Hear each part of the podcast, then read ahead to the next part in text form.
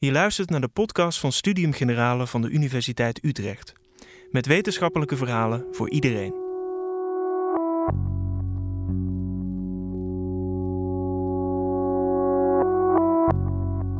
Ons leven barst van de keuzes. Maar hoe vrij zijn we in de beslissingen die we maken? Volgens sommige wetenschappers is de vrije wil een illusie.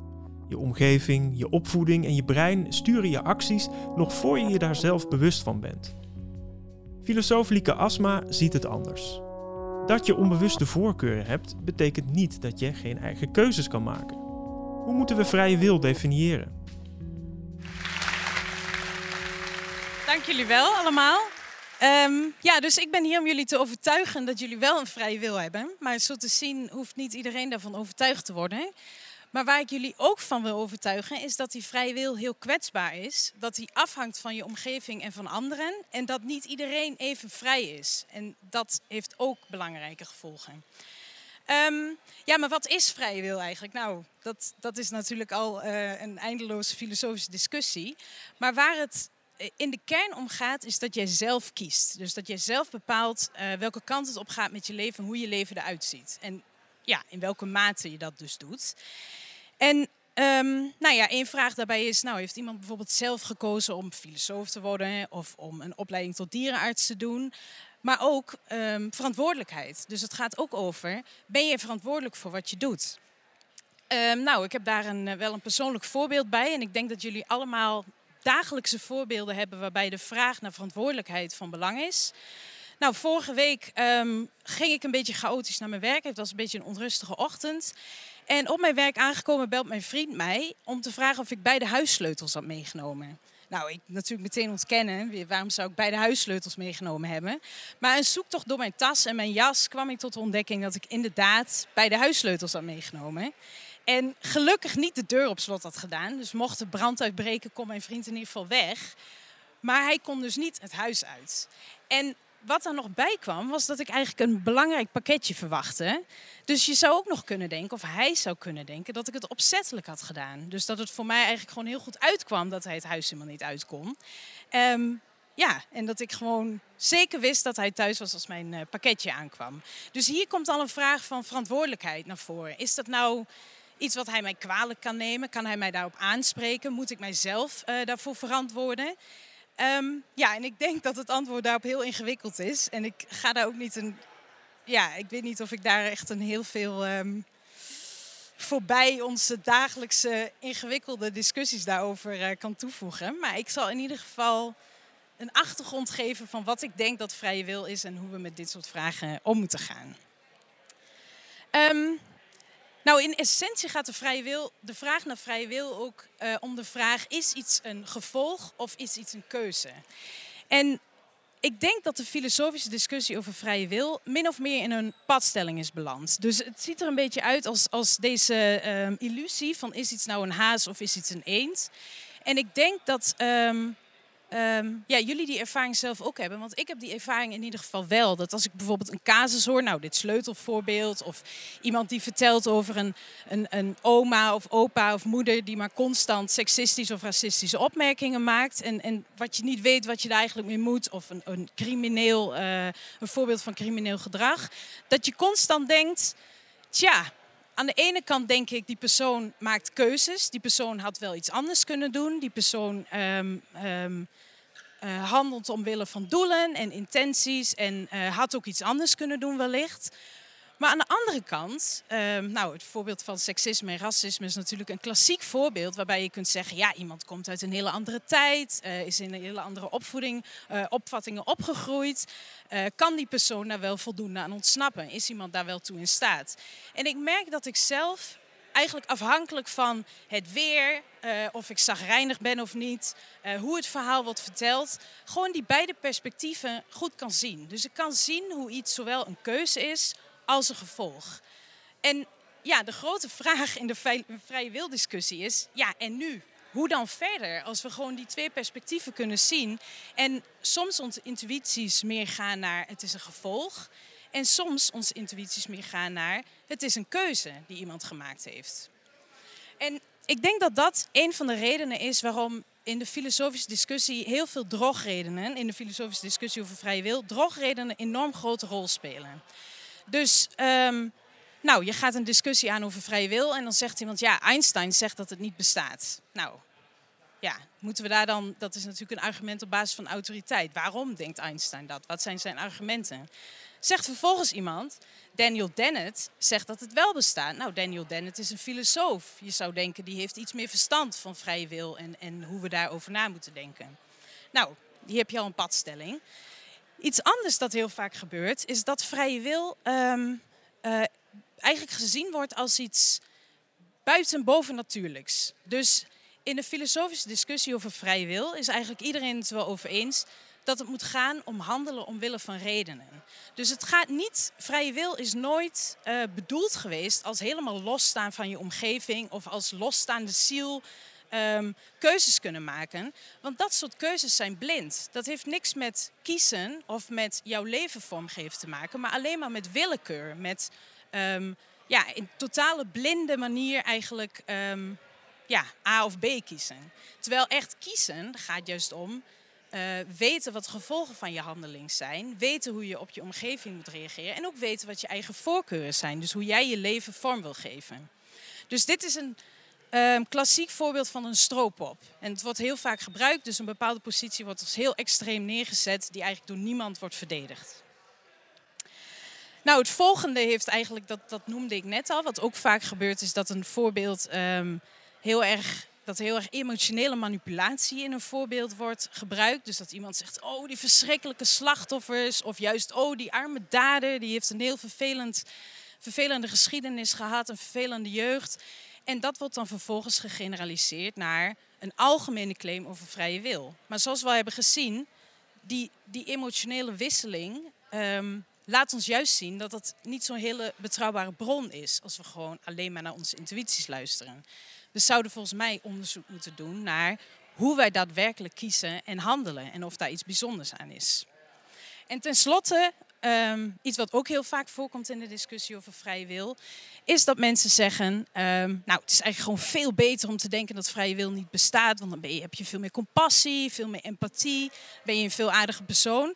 Of het is juist veel beter dat vrije wil wel bestaat. En laten we vooral doen alsof, want anders worden wij allemaal immorele, van God los wezens. Die maar gewoon doen waar we zin in hebben. En geen verantwoordelijkheid meer nemen. Dus je ziet overal um, dit emotionele aspect. En voor mij is vrije wil echt een vraag naar onze psychologische werkelijkheid. Dus ja, zoals ik al zei, is er iets bijzonders aan onze manier van handelen, hoe wij keuzes maken, dat we kunnen spreken over zelf kiezen en over controle hebben over je eigen leven. Um, en ja, in die zin denk ik, moeten we, het, moeten we het net zo zien als andere wetenschappelijke onderzoeksresultaten. Het maakt niet zoveel uit of we het leuk vinden of, uh, of het uh, iets goeds is of iets slechts. Het gaat over een psychologische werkelijkheid die we moeten onderzoeken. Um, ja, en dan kom ik dus bij die psychologische werkelijkheid. Dus dan kom ik bij psychologisch onderzoek. Hoe zouden we nou kunnen vaststellen of wij onze handelingen en onze keuzes gewoon een gevolg zijn of dat het echt onze keuzes zijn. Dingen die niet zomaar het resultaat zijn van voorafgaande gebeurtenissen. En um, nou ja, in mijn boek, dat Nienke ook noemde, um, probeer ik eigenlijk duidelijk te maken dat een uh, bepaald wereldbeeld vaak in psychologisch onderzoek aangenomen wordt en in psychologische modellen aangenomen wordt, dat niet verder verdedigd of uh, waar niet verder op gereflecteerd wordt. En dat dat wereldbeeld vrije wil uitsluit. En dat heeft dus niks te maken met onderzoeksresultaten, maar met een um, raamwerk waarin wij uh, psychologisch onderzoek doen. En hoe wij onderzoeksresultaten interpreteren en hoe wij experimenten opzetten. En een voorbeeld daarvan is de theorie van gepland gedrag. Dit is een echt een heel veel gebruikte theorie in uh, psychologisch onderzoek. Echt tienduizenden keren geciteerd volgens mij dit artikel. En deze theorie, zoals je oh ja, hier kunt zien, um, uh, zegt eigenlijk als wij willen voorspellen of iemand bepaalde, een bepaalde handeling gaat uitvoeren, gepland gedrag, bijvoorbeeld het lopen van een marathon of stoppen met roken, dan kunnen we dat voorspellen op basis van uh, de houding die iemand heeft, dus de attitudes. Dus heeft iemand positieve gevoelens en, en ideeën ten opzichte van dat gedrag. De subjectieve norm, hoe denkt iemand dat andere mensen denken over dat gedrag? Vinden je vrienden en familie het ook goed, uh, een goed idee als je marathon gaat lopen? En je waargenomen gedragscontrole, dus de mate waarin jij denkt in staat te zijn om een marathon te lopen of te stoppen met roken bijvoorbeeld.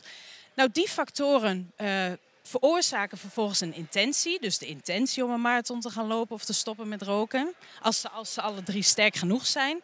En die intentie, als die weer sterk genoeg is, veroorzaakt vervolgens gedrag. Dus die intentie bepaalt uiteindelijk, je gaat een marathon lopen of je gaat stoppen met roken. En wat je dus in dit model heel duidelijk ziet, is dat er een, uh, echt een biljartbalcausaliteit in zit. Dus dingen stoten elkaar aan.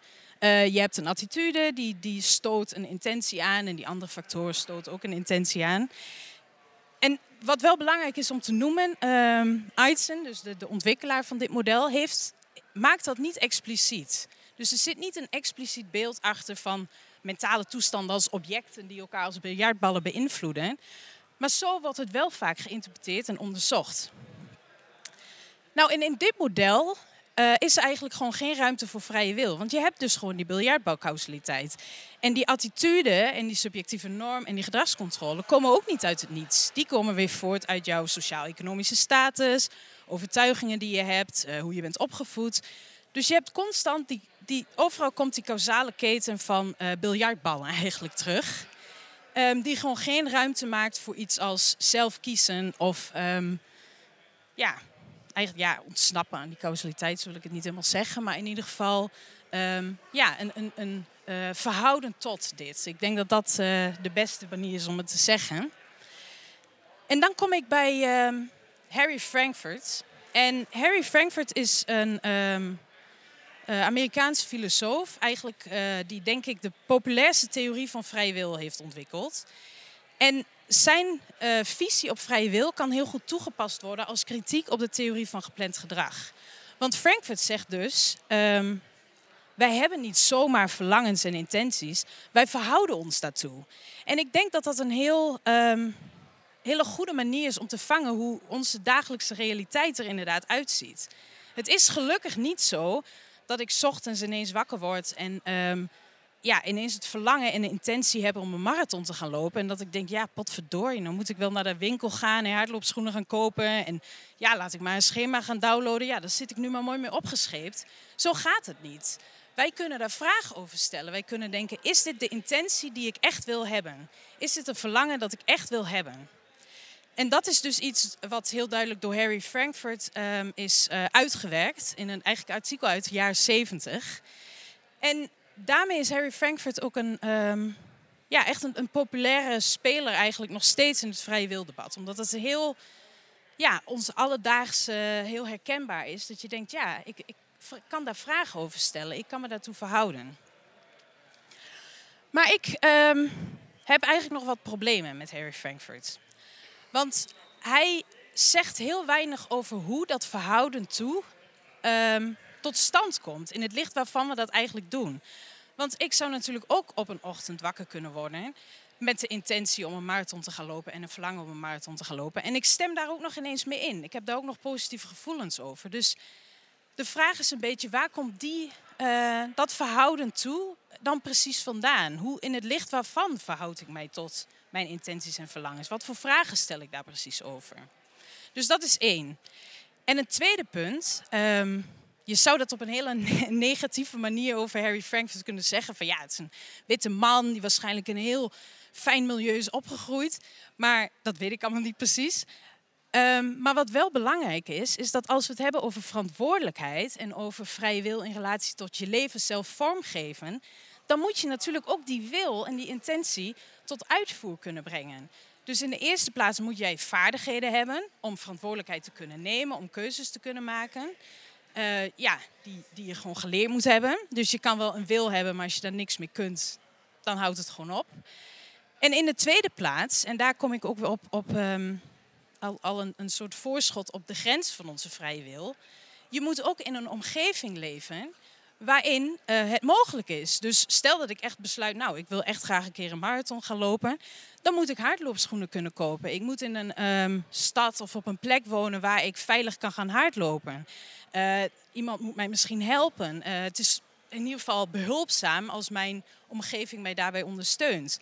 Dus wij zijn geen, ook niet als vrije wil bestaat, zijn wij geen geïsoleerde wezens die zomaar in het luchtledige uh, kunnen doen wat onze wil is. Wij zijn helemaal afhankelijk van een wereld, een sociale en een materiële wereld, die dat soort dingen mogelijk maakt. En die het voor ons mogelijk maakt om de keuzes te maken die we belangrijk vinden.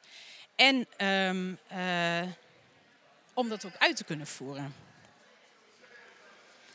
Um, en daarmee kom ik bij uh, eh, G.M. Anscombe, oftewel Elizabeth Anscombe. En zij is een, een Britse filosoof.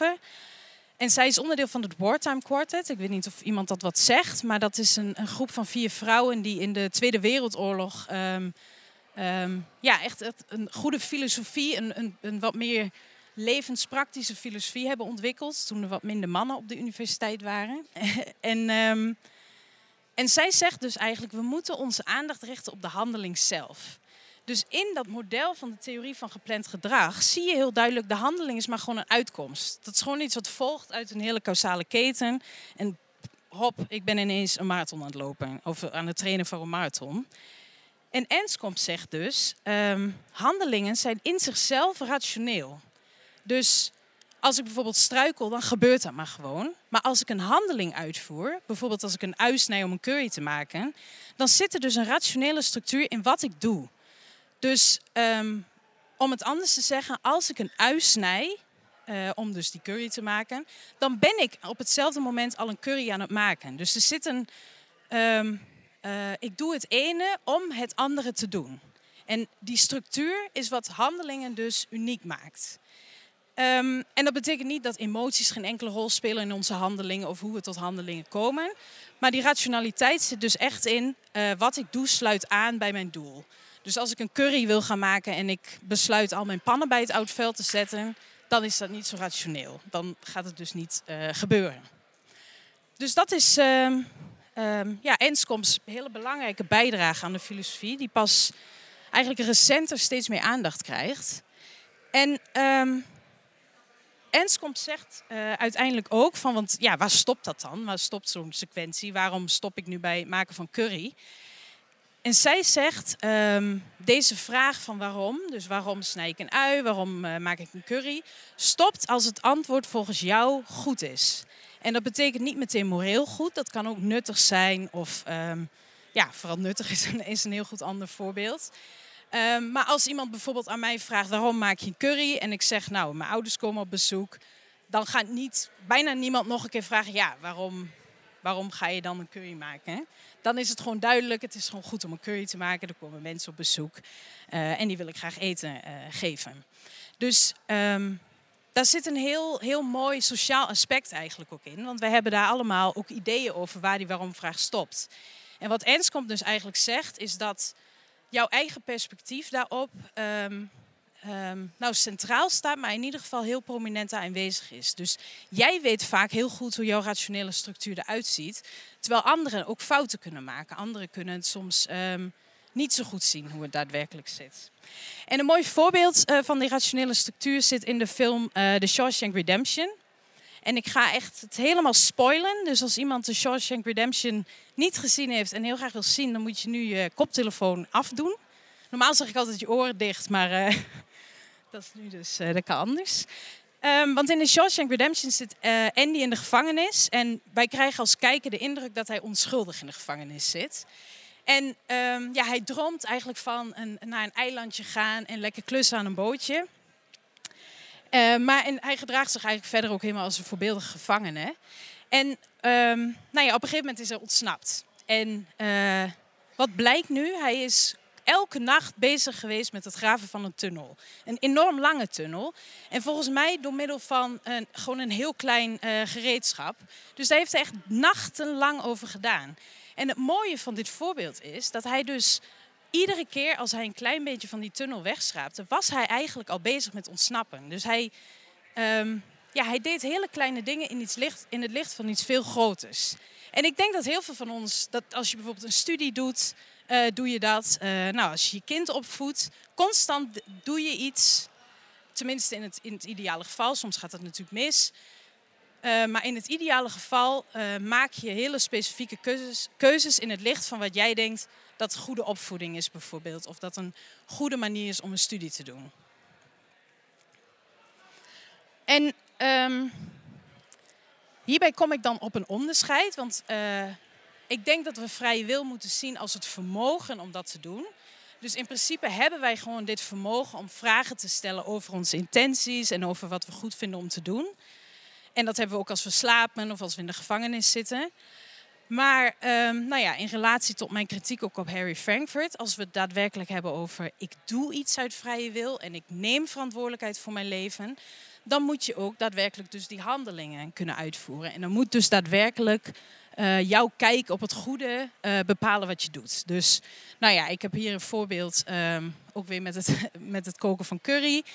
Uh, nou, um, het kan dus zo zijn dat jij al uien aan het snijden bent omdat jij vriendschap belangrijk vindt en uh, jij je vrienden hebt uitgenodigd om te komen eten. Dus opnieuw zit al in die hele kleine handeling jouw visie op wat goed is en wat het goede leven is. En um, wat dus heel belangrijk is, want we hebben, ik weet niet hoe je, hoe, in hoeverre jullie thuis zijn in de vrije wildiscussie, maar we hebben de laatste 30, 40 jaar een scala aan um, kritisch neurowetenschappelijk en psychologisch onderzoek gezien dat suggereert dat vrije wil niet bestaat. En mijn belangrijkste kritiek daarop is dan ook dat dus deze relatie tussen het kiezen, kiezen en het goede, dus dat je uiteindelijk altijd vragen stelt over je intenties en verlangens in het licht van wat jij denkt dat een goed leven is, helemaal niet aan bod komt in dit soort onderzoek. Dus dit is een voorbeeld van uh, Benjamin Liebens onderzoek uit de jaren 80. En hij wilde weten hoe uh, hangt onze opbouw van hersenactiviteit samen met onze intentie en vervolgens met een eenvoudige lichaamsbeweging. Dus hij liet proefpersonen een, um, uh, nou ja, hij gaf ze een EEG-scanner op hun hoofd en hij liet ze, um, hij, hij vroeg ze van als je de drang voelt om je pols te bewegen of een knop in te drukken, uh, dan moet je dat doen. En als je de intentie voelt of die drang voelt, dan moet je goed opletten waar de cijfer of uh, het, uh, de wijzer op de klok is. Om uh, te kunnen zien wanneer je nou die intentie had en of er al eerder een opbouw in hersenactiviteit was. En wat nu zo schokkend was, dus wat echt heel, ja, in bepaalde groepen heel veel impact heeft gehad over het vrije, in relatie tot vrije wil, is dat zijn onderzoek dus liet zien dat er al een opbouw van hersenactiviteit was voordat we een bewuste intentie hadden. Dus de, het heeft tot enorme claims geleid dat onze intentie veel te laat is en dat onze hersenen beslissen wat we doen.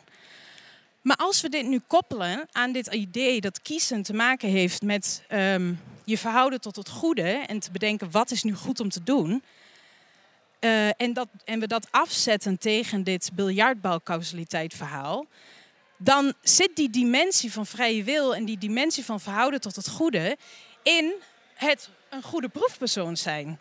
Dus wat deze proefpersonen doen, is gewoon zeggen: Oké, okay, jij vraagt mij om uh, wanneer ik de drang heb uh, een knop in te drukken om op die klok te letten. Nou, prima, dat ga ik dus doen. En het resultaat daarvan is dat je dus eigenlijk aan proefpersonen vraagt om zo'n biljartbouwcausaliteit keten uh, tot stand te brengen. Om te wachten tot je een drang hebt en daar maar gewoon op te reageren. Dus het, het aspect van vrije wil en dit kiezen en het goede zit helemaal in het experiment, maar daar hebben ze hun aandacht niet op gericht. Ze zitten helemaal met, met hun scanners en, en precieze metingen helemaal te vergeten hoeveel rationaliteit en beslissen er zit in het uh, netjes deelnemen aan het experiment. Um, ja, en een tijdje geleden um, besprak ik met een aantal studenten een uh, artikel van mij over vrije wil. En toen zei iemand, ja, vind je dit nu niet echt een heel utopisch beeld van vrije wil? Oh, we doen in het licht van het goede en je specifieke handelingen daarop aanpassen. En um, nou, ik denk dat dat is echt wel een, um, een bewuste keuze, om het zo maar te zeggen. Omdat ik denk dat het heel belangrijk is dat we inzien um, ja, dat vrije wil echt een, een, uh, een ideaal is. Helemaal dit echt handelen in het licht van het goede. Kijk, dat vermogen hebben we gewoon. Maar echt je leven vormgeven in het licht van wat jij denkt dat goed is om te doen, dat is heel moeilijk. En uh, daar ben je volledig afhankelijk van of je ouders je die vaardigheden hebben geleerd om te redeneren, je leraren, je vrienden. En um, ja, ook of je dus je omgeving het mogelijk maakt dat jij het goede doet. Dus een wereld waarin, ehm, nou ja, de meeste van ons uh, eigenlijk niet willen roken, gezond willen leven, omdat je je dan gewoon beter voelt, is mijn ervaring. En uh, waar dan toch heel veel dat soort dingen constant worden aangeboden en worden geprikkeld, dat soort omgevingen ondermijnen volgens mij vrij wil. Omdat het dus veel moeilijker is om het goede te doen. Wat jij dus zelf denkt dat goed is, maar ik denk dat op dat gebied um, heel veel mensen wel eenzelfde soort opvatting hebben. Het is gewoon fijn om gezond te zijn. Nou, om terug te komen op um, ja, de vraag waar ik mee begon, is wat je doet een gevolg van keuze.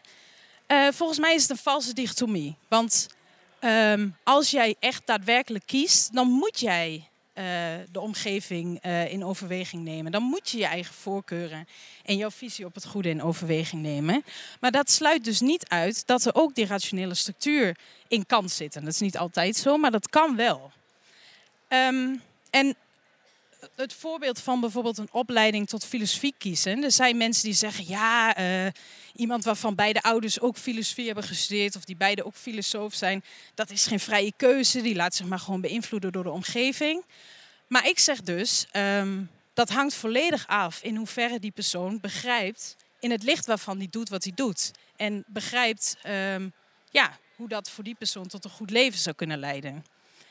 En ja, terug naar het voorbeeld met de sleutels. Nou ja, ik, ik had echt serieus niet de intentie om mijn vriend soort van in ons huis te dwingen in ons huis te blijven. Maar ik heb nog altijd dit vermogen. Dus ik heb altijd nog dit vermogen om uh, ja, aandacht te besteden, op te letten, af te vragen: oké, wat is een goede manier om weg te gaan? Dus ik denk toch uiteindelijk dat um, mijn vriend mij niet echt iets kwalijk hoeft te nemen, maar dat er op zijn minst een uitwisseling van: uh, ja, dat is stom van mij, dat had ik niet moeten doen. Um, ik let de volgende keer beter op. Dat dat gewoon passend is, omdat wij nu eenmaal bijna allemaal uh, ja, enigszins rationele wezens zijn. En ik denk tegelijkertijd ook dat als hij zou zeggen, ja, maakt niet uit, of uh, ja, mijn rol daarin helemaal weg zou vegen, en dat ik dan dus het gevoel zou hebben, hij neemt mij dus niet serieus als een persoon die het beter kan doen. Hij behandelt mij als een kind. Dus um, ja, ik denk dat in dat verantwoordelijkheid uh, geven en nemen, dat het echt een kunst is. En dat het echt vraagt om afstemming. En ja, ik hoop dat dat, uh, dit een beetje geholpen heeft met, met hoe je daarmee om zou kunnen gaan. Je hoorde een aflevering van de podcast van Studium Generale. Benieuwd naar meer afleveringen? Ga naar sg.uu.nl/podcast of abonneer je op je favoriete platform.